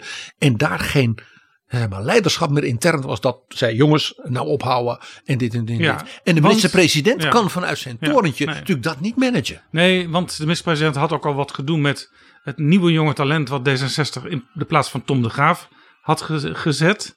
Alexander Pechtold, die was tot dat moment burgemeester in Wageningen en ook eh, voorzitter van de partij. En die dacht, heeft hij me wel eens verteld, ja, als ik, eh, het gaat niet goed met onze partij in de peilingen. Als ik onze partij nog een beetje op de kaart wil zetten, dan moet ik af en toe iets stevigs zeggen in de media. Nou, dat deed hij dan ook. Hij deed Daar was iedereen boos over. Hij deed een wopke. Ik hou ervan om te denken. En soms doe ik dat hardop. Pechtold Hoekstra. Zie je hoe leerzaam het is. Als je kijkt naar de typologie van dat soort crisis. Nou, hier zag je dus dat dus het gedoe rond mevrouw Verdonk. die dan ook nog ineens een soort concentratie van ellende en spanningen en onhoudbaarheid kreeg rondom het VVD-Kamerlid Ayaan Hirsi Ali. We gaan nu niet in op de details. Maar Verdonk riep dat hij had gelogen en dus eigenlijk helemaal geen Nederlands paspoort mocht hebben en dus eigenlijk geen Kamerlid kon zijn. Dat werd dus in die VVD natuurlijk een enorme heisa. Ja, en in de Kamer. was ook een groeibriljant in de fractie dan weer. Zeker van Gerrit Salm. En D66 zag dat gedoe in die VVD misschien ook wel een beetje als een uitweg om zichzelf weer te verenigen en te profileren tegen de VVD. Ja, want juist op die punten, dat asielbeleid, stonden die partijen lijnrecht tegenover elkaar. En ook dat is weer herkenbaar. Nou, Balkenende die kon niet en de crisis in D66 en de crisis in de VVD en de crisis van mevrouw Hirsi Ali en allemaal ook nog oplossen. Er zijn grenzen aan wat een premier kan. Zelfs de allerbeste premier kan niet alles. En Balkenende was een prima man, maar was niet de allerbeste premier die Nederland ooit gehad heeft. Ja, en toen werd er dus toen ging het mis. In de Kamer door Loeswies van der Laan. Van D66. Werd in feite het kabinet de wacht aangezegd. En konden de D66-ministers, er waren er twee, Brinkhorst die inmiddels vicepremier was geworden. En de al eerder genoemde Pechtold. Die konden achter de ministerstafel ja, niet anders zeggen dan dat ze zich daarbij aansloten. Eigenlijk tegen hun zin. En tegen de zin van, van zeker de CDA-premier die gewoon door wilde. En ook tegen de zin van de VVD-bewindslieden. En het was allemaal vanwege dus de persoon Verdonk en haar eh, ik zeg maar, eh, fans. En wat daar allemaal omheen gebeurde ook. En, en dus de greep die men in D66 op zichzelf kwijt was.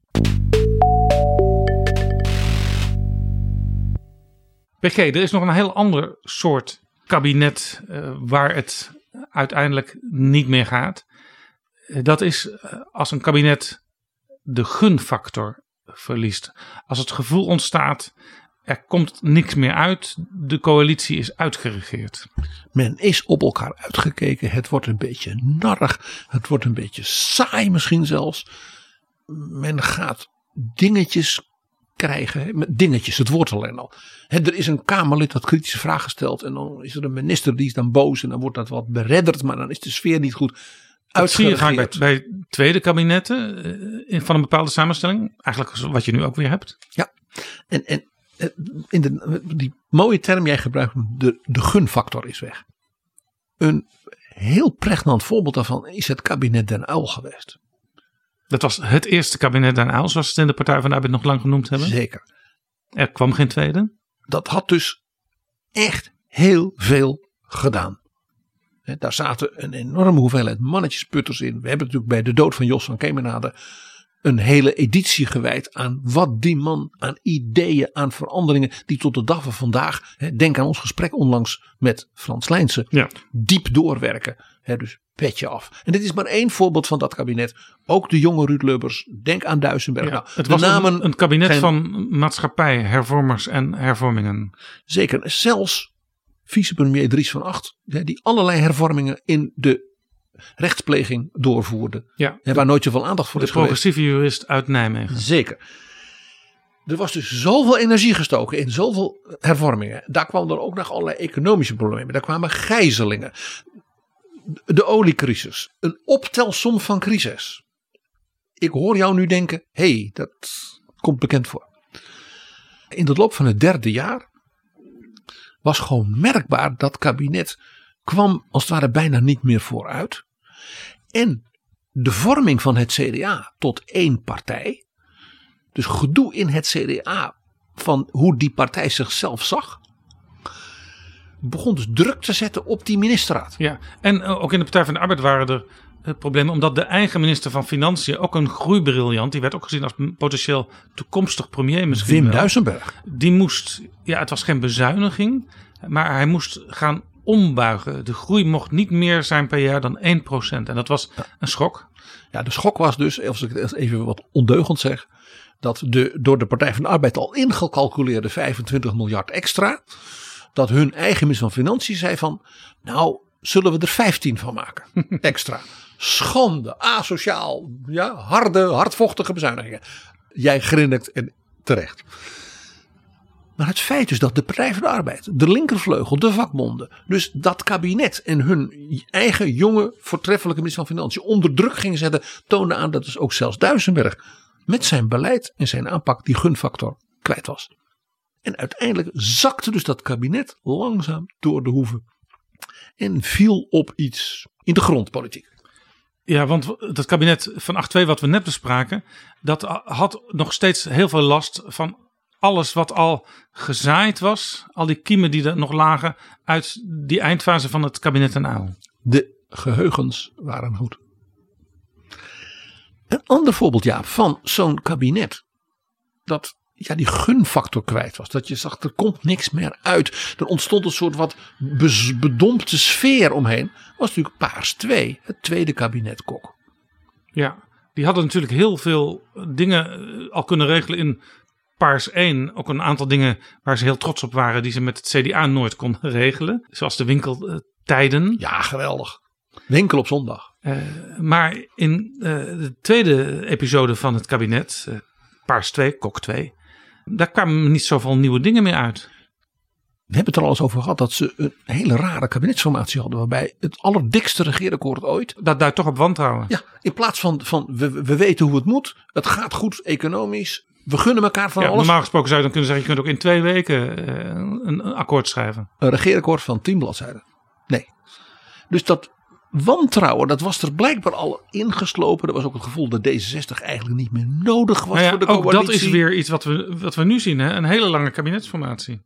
Met heel veel wantrouwen en heel veel papier. dezelfde combinatie. Ja, dan valt om gedoe een van de senior bewindslieden van de Partij van de Arbeid, Bram Peper, onlangs overleden, in de Eerste Kamer.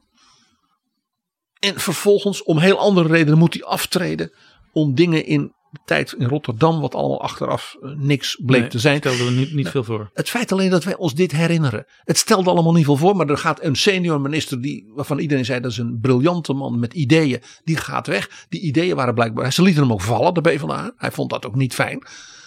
Zo van nou, ik word beloond voor al mijn ideeën. Dat toont dus aan dat die ideeën dus ook blijkbaar niet meer interessant Nee, gevonden werden. nee ik, ik eh, heb het nog heel goed, want eh, ik werkte toen als politiek redacteur bij het Algemeen Dagblad. En die bonnetjesaffaire waar Peper over struikelde en hij zei: Ik treed nu af als minister van Binnenlandse Zaken om mij beter te kunnen verdedigen. Die werd eh, vanuit het Algemeen Dagblad werd die gevoerd in feite, want daar waren bronnen, et cetera, et cetera. Maar wij, ja, wij zagen dat het eigenlijk niet zo heel veel leek voor te stellen, bleek ook achteraf. En we kregen natuurlijk steeds ja, de mensen rond Peper op ons dak van kunnen jullie dat allemaal niet wat dimmen? Maar eens de op. politieke redactie in Den Haag. En dit was de verslaggeversredactie in Rotterdam die dit deed. Ja. Maar het feit dus dat de Partij van de Arbeid dacht van nou ja, laat hem dan ook maar gaan. Dat Kok niet met zijn grote gezag als premier succesvol Europees ja, bewonderd. Had hij natuurlijk gewoon in de Tweede Kamer, dat had Kok goed gekund, hè, narrig, beetje zuur. Gewoon de Tweede Kamer tot de orde roepen. Wie aan Bram komt, komt aan mij. Hè, dat had gekund. Gebeurde Ja, niet. Dat het niet gebeurde had dus ook iets te maken met de sfeer die er al was. Het was allemaal zo net niet kabinet. En het zat dus een hele tijd en je merkte gewoon uitgeregeerd. En er kwamen natuurlijk nieuwe leidersfiguren op. Een Tom de Graaf. Eh, Ad Melkert bij de PvdA. En die, ja, die wilde zich natuurlijk als toekomstige nummer één hè, op termijn gaan profileren ten koste van het kabinet. Dat maakte dus dat beeld van het kabinet dat er steeds minder toe doet, dat geen vergun, hè, dus uitgeregeerd is, alleen maar scherper. Ja, heel interessant als je onlangs de serie over Pim Fortuyn op televisie hebt gezien. Wat eigenlijk een serie over Ad Melkert was. Als je goed keek, dan zag je dat Melkert ook al eh, probeerde in de nadagen van dat kabinet de koers van de Partij van de Arbeid te verleggen. Met meer kritiek op het neoliberalisme. Wat uiteindelijk ook als je de- bijvoorbeeld dat boek over neoliberalisme. wat we hebben behandeld in Betrouwbare Bronnen leest. Dat boek van Duco Helena en Margriet van Lid. Oh ja, over, over, de, over de worsteling van de PvdA met zichzelf. Ja, en dat boek heet ook Dat hadden we nooit moeten doen. De PvdA en de neoliberale revolutie van de jaren negentig. En dat boek is dus eigenlijk een hele mooie representatie van wat wij nu net bespreken. Namelijk dat in de Partij van de Arbeid, in die coalitie, dat gevoel ontstond van dit is uitgeregeerd. Hè? We moeten een andere koers inzetten met andere leiderschap. Dus men gunde, letterlijk en figuurlijk, ook zichzelf in die coalitie niet zoveel. Nee, overigens een hele interessante parallel met dat kabinet wat we net al besproken hebben van Balkenende en Bos. Want Bos ging in zijn nadagen, dat was dus ook toen dat kabinet eh, aan zijn einde was, eh, eh, ook wat meer afstand nemen van het gevoerde beleid. Hij hield zelfs een lezing, de Den Uyl-lezing, onder de titel De Derde Weg Voorbij. Dat was dus ook een soort afscheid nemen van wat ze tegenwoordig het neoliberalisme noemen. Nou, mooi voorbeeld dus. Kabinetten van premiers van grote naam en faam, Den Uyl en Kok, die dus het slachtoffer werden van dat verschijnsel van uitgeregeerd zijn, slijtage van misschien ook wel onderlinge respect uh, en dus die gunfactor. Dit is Betrouwbare Bronnen. PG, we hebben het nu gehad over oorzaken van crisissen in een coalitie in de Kamer, in een kabinet, tussen bewindslieden. Maar uiteindelijk heb je natuurlijk altijd de aanleiding voor de val van een kabinet. En die hoeft, hè, zoals we al zagen, niet hetzelfde te zijn als wat men denkt dat de oorzaak is. Wat eronder zit. En ook daar, Jaap, vier soorten aanleidingen. De eerste is dat als zo'n crisis als het ware hè, langzaam opkomt. Hè, een van die vier crises die we, typen die we behandelden. Dat een sleutelfiguur in die crisisomgeving, bijvoorbeeld de minister-president, denkt: hoe krijg ik weer greep hierop? En soms en dat is dus een hele bijzondere variant, door zelf het initiatief te nemen tot wat ze wel noemen de stekker eruit te trekken. Ja, we hadden net natuurlijk al het voorbeeld van Lubbers, die de VVD-fractie online van Verhoeven tegenover zich vond in de Kamer. En die die omslag van jouw krant met die grijns liet zien.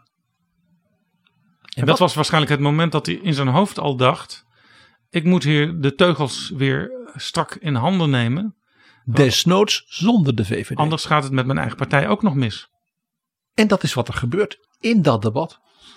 Dat was zo verrassend dat Lubbers de VVD bijna uitlokte. Net dat ene stapje verder te zetten dan misschien Voorhoeven van plan was. En dat hij dus bij het concluderen van het debat in tweede termijn zegt van dat hij eh, de opstelling van de VVD dat hij dat honoreert, respecteert dat hij vindt dat de samenwerking toch heel veel goeds voor Nederland heeft gedaan. Hij zat bijna een soort afscheidstoespraak te houden, maar dat had men, niet iedereen had dat door. En toen zei hij, voorzitter, het is nu wat laat geworden. het was een uur of elf s'avonds. Het is nu wat laat geworden, maar dan ga ik morgen naar de koningin. Ik ben allerminst bitter. Ik heb uh, zeven jaar mijn werk mogen doen in deze coalitie. Ik ben door één de fracties van CDA en VVD gelijkelijk dankbaar dat ze me dit mogelijk hebben gemaakt. En met dat gevoel ga ik hier vanavond heen. Ik zal uiteraard morgen, want het is nu te laat, een bezoek aan de koningin brengen om het ontslag van alle ministers aan te bieden. En dit was voor velen zo verrassend dat een van de meest ervaren Lubbers-kenners in de Tweede Kamer, de oud-campagneleider, partijsecretaris van het CDA, Ries Smits, vertelde dat toen Lubbers dat zei, hij tegen de collega naast hem in het bankje zei: Verrek, hij is gevallen. Eigenlijk onopgemerkt, je, je moest heel scherp zijn, was het kabinet er niet meer. En Lubbers had dus bijna in een soort ja, bijgedachte, even aan het slot van het debat, de hele zaak daarmee natuurlijk qua initiatief naar zich toegetrokken. Dus een kabinet kan vallen omdat een sleutelfiguur in het kabinet of de coalitie het initiatief neemt om zelf weer helemaal achter de knoppen te zitten. Dat andere kabinet waar iets soortgelijks gebeurde is denk ik uh, Balken en de 1 wat we al bespraken. Ja. Met de LPF. Met het belletje van Bomhof en het gedoe. Daarvan weten we nu dat het CDA-fractieleider Maxime Verhagen is geweest die voor zichzelf calculeerde als dus die bloednieuwe, jonge, onervaren premier Balkenende. Die nu, nu een paar maanden met die LPF bezig is. Als dat zo doorgaat. Die wil natuurlijk zijn ploeg bij elkaar houden en zorgen dat dat een succes wordt. Maar dan gaat hij eraan. Want men gaat hem dat uiteindelijk verwijten. Van de minister-president die heeft er geen greep op. Het is een puinhoop. Hè? Dus Balkenende moest geholpen worden. Die conclusie trok Verhagen eigenlijk voor zichzelf. En Verhagen heeft dus in het CDA-topoverleg geconcludeerd van we moeten hier een eind aan maken.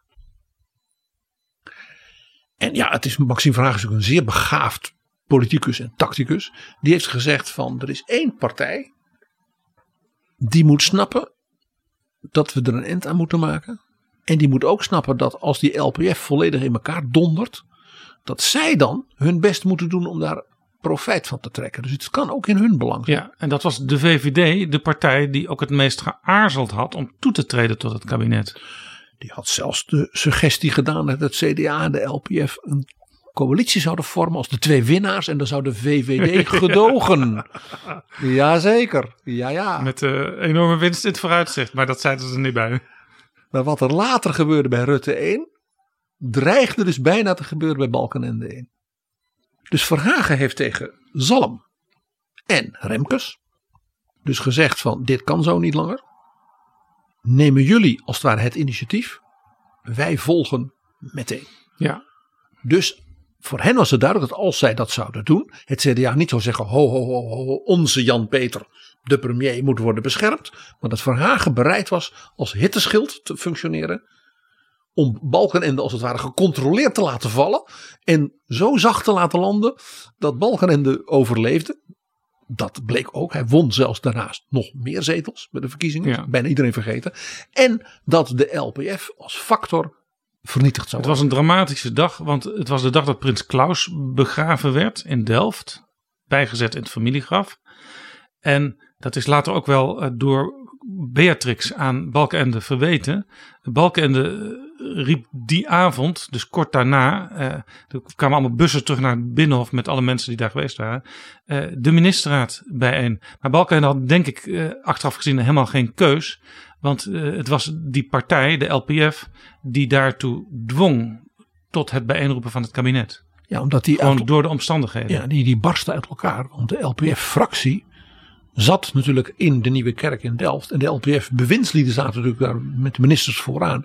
En die zaten openlijk met elkaar ruzie te maken. Terwijl de koningin met haar familie daar natuurlijk in tranen naar die kist stond te kijken. Ja, dat is ik kan mij dus Ja. op dat opzicht, laat ik zeggen, de gevoelens van de koninklijke familie en van de koningin ook wel een beetje Ja, in het is trouwens een, een reden die ertoe geleid heeft, denk ik, dat Balkenende nooit minister van Staat is geworden. Maar dat, dat is een zijpad. Was overigens een heel interessant moment. Eh, Die avond om een uur of acht was er dus eh. Dat was even geschorst. En ik zat in, met een groepje mensen in Nieuwspoort te eten met Johan Remkes, die dus minister was en een van de architecten van de val van dat kabinet. En eh, hij werd op een gegeven moment eh, op zijn schouder getikt. eh, minister, het kabinet komt weer bijeen. U wordt verwacht in de premier- ministerraad. De premier verwacht u in de ministerraad. Ja, ik kom eraan, zei Remkes. Maar hij had nog kort daarvoor een kopje koffie besteld. En dat werd daarna pas neergezet.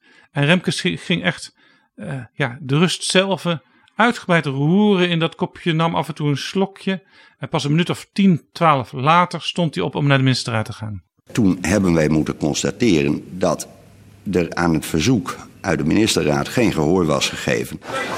Meneer Zalm, heeft u het vertrouwen opgezegd in het kabinet? Ja. Waarom? Dat ik eh, niet elke keer weer eh gedonder wil hebben. Eh, het is nu mooi geweest. LPF is geen betrouwbare partner gebleken. Laat nu het volk maar weer eens spreken door middel van verkiezingen. We zien hier dus kabinetten waarvan de sleutelfiguur in de coalitie, de premier of de fractieleider van de grootste partij, hè, Verhagen, ter bescherming van die premier, zegt stop ermee. Ik zou bijna zeggen, zou Mark Rutte dat met zijn vierde kabinet ook durven? Ja, die vraag moeten we denk ik hm, bij het vraagteken laten. Want ik kan zo een heleboel redenen geven om toch voor Mark Rutte nu een heel andere situatie weer is. Maar het is dus een patroon dat wij in crisissituaties die zich voltrekken als eind ervan, als conclusie in onze politieke geschiedenis met enige regelmaat hebben meegemaakt. Ja, het gaat uiteindelijk dus om het overleven. Ook van partijen die niet meteen bij de oorzaak van de crisis betrokken zijn, maar er wel heel veel last van hebben en ook op kunnen hebben bij verkiezingen. Dus het zou zomaar kunnen, zeg jij eigenlijk, eh, dat we op een gegeven moment uh, Mark Rutte weer op zijn fiets zien stappen met dat appeltje richting Paleis. Ja, dat hij dat appeltje als het Kamerdebat begint alvast bij zich heeft.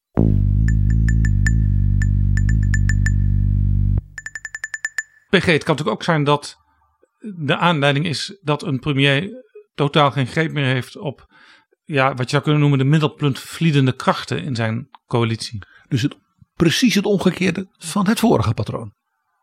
Inderdaad. Nou Jaap, we hebben al het heel even gehad over Jo Kals. Daar zag je dat gebeuren. Ja. Je zag hem in dat Kamerdebat, eh, anders dan Lubbers, niet het initiatief pakken. En iedereen verrassen. Ja, verrek. Hij is gevallen. En je maar zag het, het uit elkaar vallen. Ja, en je zag het in wat we ook al besproken hebben. Eh, dat gedoe rond Ayaan Hirsi Ali, Rita Verdonk en gedoe in D66. Ja, dat is misschien een beetje veel voor een premier van het CDA, een andere partij, om en die VVD en D66 ook nog te managen. Ja, om te zeggen van kan ik nog een nieuwe partijvoorzitter voor D66 vinden en wellicht een minister in de, de VVD dat haar tranen nog wat drogen en dat Kamerlid uit Somalië. En ja, het houdt een keer op. Dus zowel Kals als Balkenende in zijn tweede kabinet zijn dus een voorbeeld van dat dus de aanleiding is het zichtbare greepverlies van de minister-president. Nu is er natuurlijk heel veel gedoe. Er zijn een aantal crisissen tegelijk. Ik heb ze aan het begin van deze aflevering opgesomd. Toen zei ik ook, ja, moeten we niet langzamerhand spreken van het kabinet Remkes, wat aan het bewind is. Dat zou je ook kunnen illustreren met wat we deze dagen horen. Ja, we gaan pas verder praten over het stikstofbeleid en over wat Wopke Hoekstra daar heel kritisch over in de krant heeft gezegd.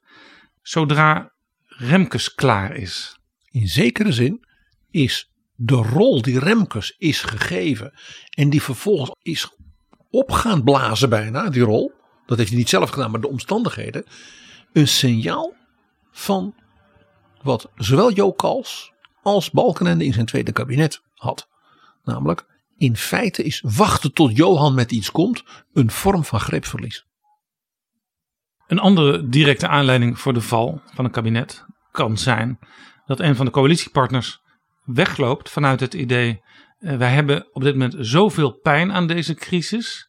Uh, de enige manier om daar nog uh, enigszins ja, die schade te beperken is nu uit het kabinet stappen. Ja, dat is de pijn van de omstandigheden en de situatie groter is dan de lijn politiek die je als het ware in die coalitie als partij denkt te kunnen ja, realiseren. Dus groter dan al die investeringen die je ook al als partij in zo'n coalitie hebt gestoken. Ja, de mensen die je beschikbaar hebt, hun energie, je verhaal, hè, zoals dat dan heet. Dat je van, we houden het gewoon niet meer.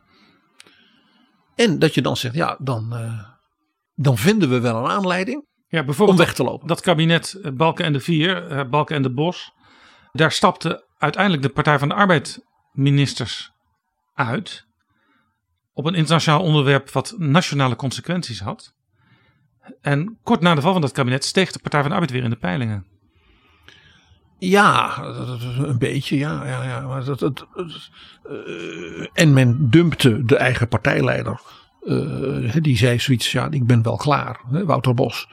Uh, en ja, dat gaf dus aan hoe groot de pijn en de ja, spanningen en on, ja, blokkades in die eigen partij was geweest. Ja, Wouter Bos had overigens toen hij aftrad en zei: Ik heb een, een, een opvolger, namelijk Job Cohen.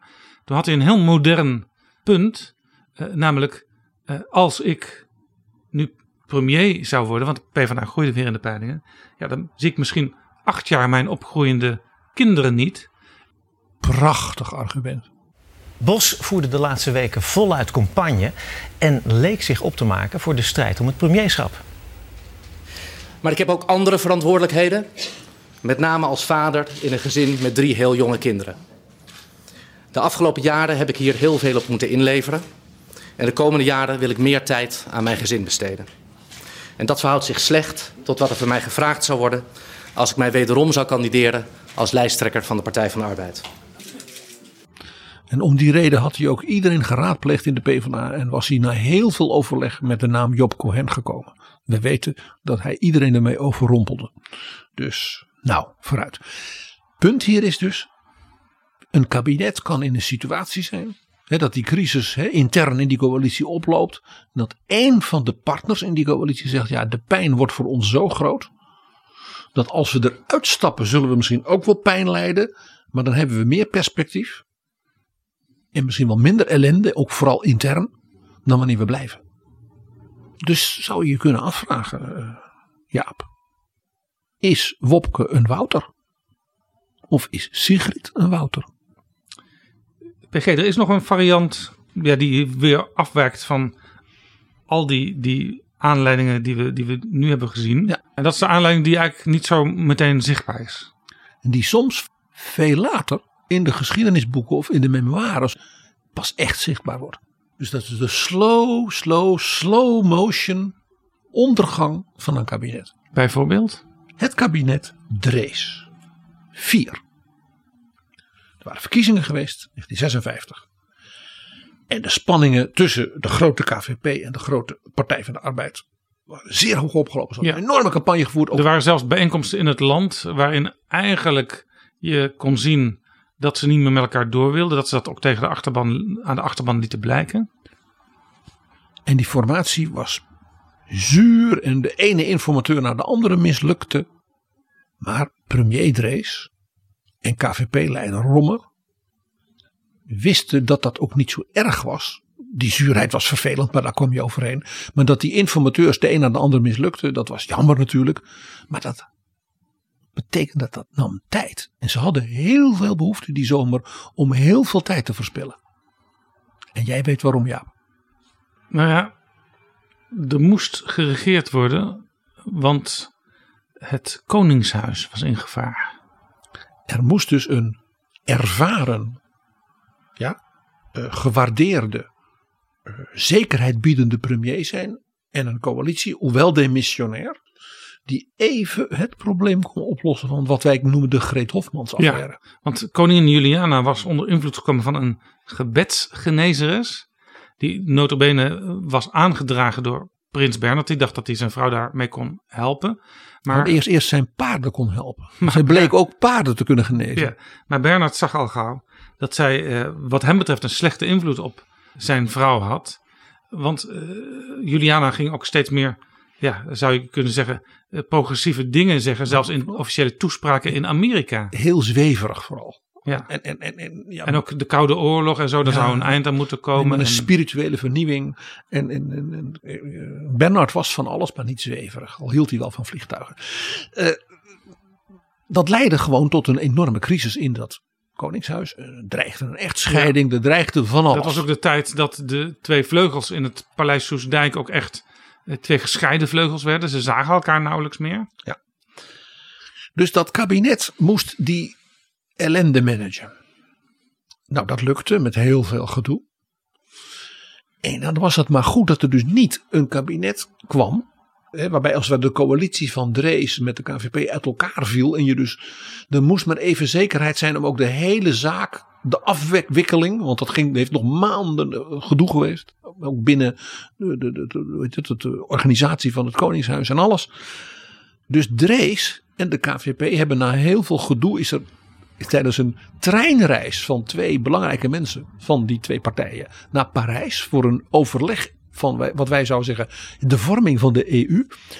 Die hebben dus op die treinreis naar Parijs gezegd als we nou eens even op de achterkant van de sigarenkist jij dit, ik dat, dan hebben we voorlopig een coalitie en dan zien we wel.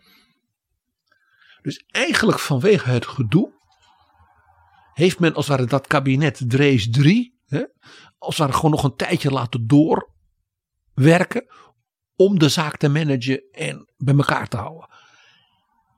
Feitelijk was het dus een, eh, ja, een soort slow motion val van het kabinet. Want niemand had het idee, dit gaan we vier jaar lang met heel veel Ja. panache en Ja, elan die ellende in dat Koningshuis, die voor de Nederlandse eh, media ook verborgen werd gehouden. Er was een soort afspraak tussen hoofdredacteuren en de Rijksvoorlichtingsdienst. Pas toen de buitenlandse media erover gingen schrijven, toen, toen werd het een heel groot probleem. Die heeft dus toegeleid dat het kabinet maar bleef zitten voorlopig. Ja, maar eigenlijk, eigenlijk voortdurend aan het vallen was. Er is nog zo'n kabinet dat eigenlijk door gedoe in het Koninklijk Huis bij elkaar bleef. Dat was het kabinet ten uil.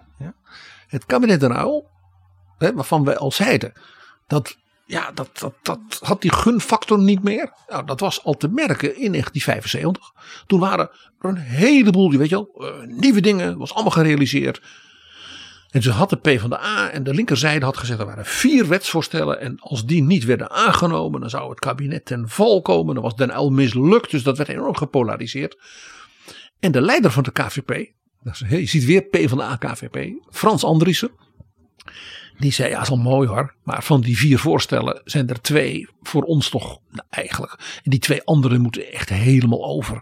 Die zei, ik wil er best over praten, maar zo kan het niet. Ja. En met name de jonge minister Lubbers van Economische Zaken speelde daarin een heel belangrijke rol. Dus Andries en Lubbers hadden afgesproken, als die en die dingen niet worden aangepast. Ruud, jij moet dat in de ministerraad, hè, met steun natuurlijk van Dries van Acht en zo, erdoor krijgen. Als ze dat niet doen, hè, die rooien, dan dreigen we met de zaak op te blazen. Heel interessante parallel met nu is dat ook toen de boeren op de achtergrond een hoofdrol speelden. Want een van die hervormingsvoorstellen ging over de prijs van de grond. Wat voor de boerenachterban van het CDA natuurlijk heel belangrijk was. En voor gemeentebesturen en wat dan niet. In de crisissfeer die rond de wetsontwerpen in zaken de grondpolitiek was ontstaan... verschenen de drie ondertekenaars op donderdag 17 maart in de Tweede Kamer waar de eerste ondertekenaar, minister van Justitie en vicepremier Van Acht, onder meer het volgende meedeelde. Meneer de voorzitter, het kabinet heeft het intensieve beraad over de vraag of en in welke vorm in het wetsontwerp tot wijziging van de onteigeningswet een regeling behoort te worden opgenomen over de vergoeding van zogenaamde negatieve ontwikkelingsschade nog niet afgesloten.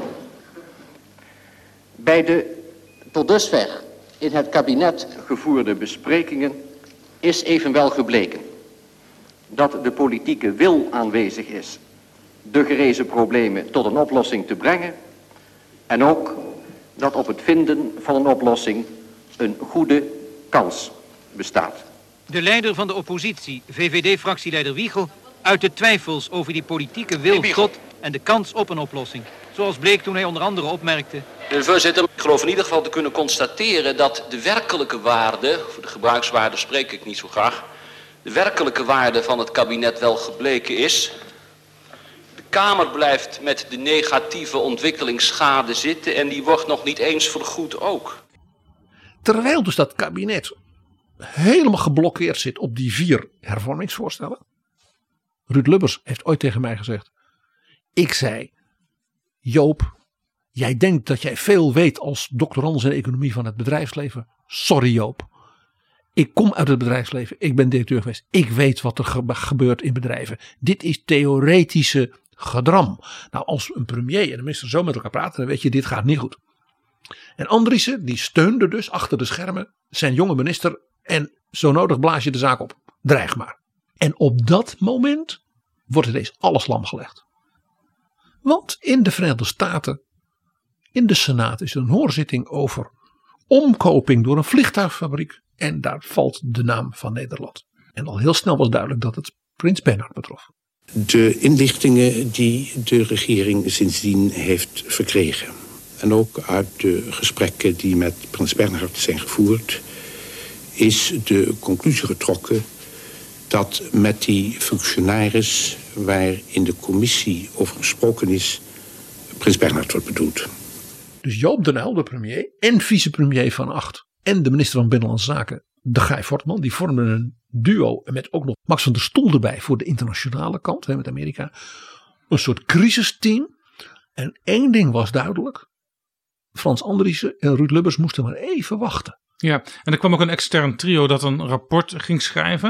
En dat moest allemaal geheim blijven. Wat voor Prins Bernhard uiteindelijk niet goed uitviel. Samenvattend komt de commissie tot het oordeel dat zijn koninklijke hoogheid in de overtuiging dat zijn positie onaantastbaar en zijn oordeel niet te beïnvloeden was, zich aanvankelijk veel te lichtvaardig heeft begeven in transacties die de indruk moesten wekken dat hij gevoelig was voor gunsten. En het rapport was nog mild, want later bleek dat ze zelfs in dat rapport nog dingen niet hebben behandeld die het allemaal nog veel erger hadden gemaakt voor de prins. Er was nog een vliegtuigfabriek die geld had gegeven. En het komische was dat uh, Juliana en Bernard, die uh, natuurlijk in die Greet Hofmans affaire ja, uh, bijna gescheiden waren, nu weer enigszins met elkaar konden vinden. Want Juliana dreigde met aftreden als Bernard ook maar iets zou worden aangedaan door het kabinet. Dries van Acht zei ooit tegen mij, ja, dat was geen zaak, vriend, om problemen te maken. dus Van Acht zei dus tegen Andriessen en Lubbers: keep it cool, keep it cool. Wij kunnen deze coalitie nu niet laten vallen. Dus we gaan wel door en kritisch op die hervormingsvoorstellen, maar slow motion. Dus de val van het kabinet Den Uil, die dus aanstaande was op de inhoud, werd dus enorm gerekt door dit soort extreme omstandigheden waar een kabinet natuurlijk van tevoren geen greep op heeft uit het buitenland. Het overkomt je. Tot slot, PG.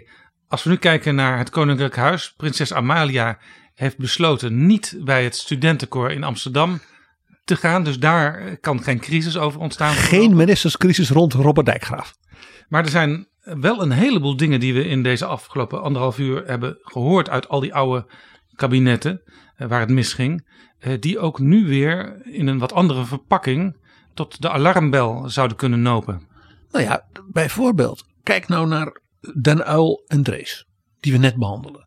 die dus overvallen worden door een soort crisis dat je denkt, oh mijn hemel. Dat is natuurlijk wat we nu met Oekraïne. We hebben een oorlog van Poetin die het kabinet Rutte ook niet kon voorspellen. Nee, met heel veel uh, gevolgen op heel veel terreinen. Mevrouw Ollongren werd minister van Defensie. En een paar weken daarna was ze een oorlogsminister en ging ze wapens leveren. En nou, dat, uh, ze, ze, ze, ze, trekt er enorm aan. Ik heb daar grote bewondering voor.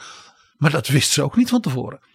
dus in zekere zin op een rare manier vergelijkbaar met de Lockheed of de Greet Hofmans Ja, en nu op verschillende terreinen verdeeldheid in coalitiepartijen zelf.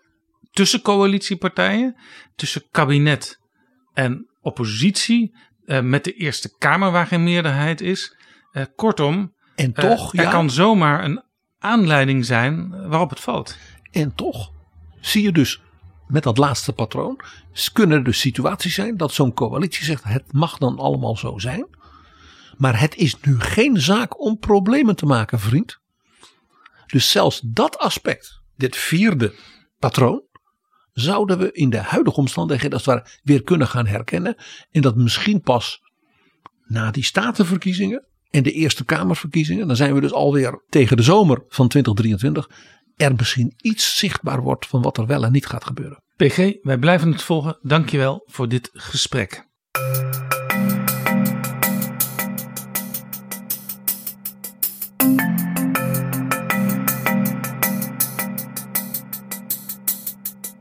Zo, dit was Betrouwbare Bronnen, aflevering 288.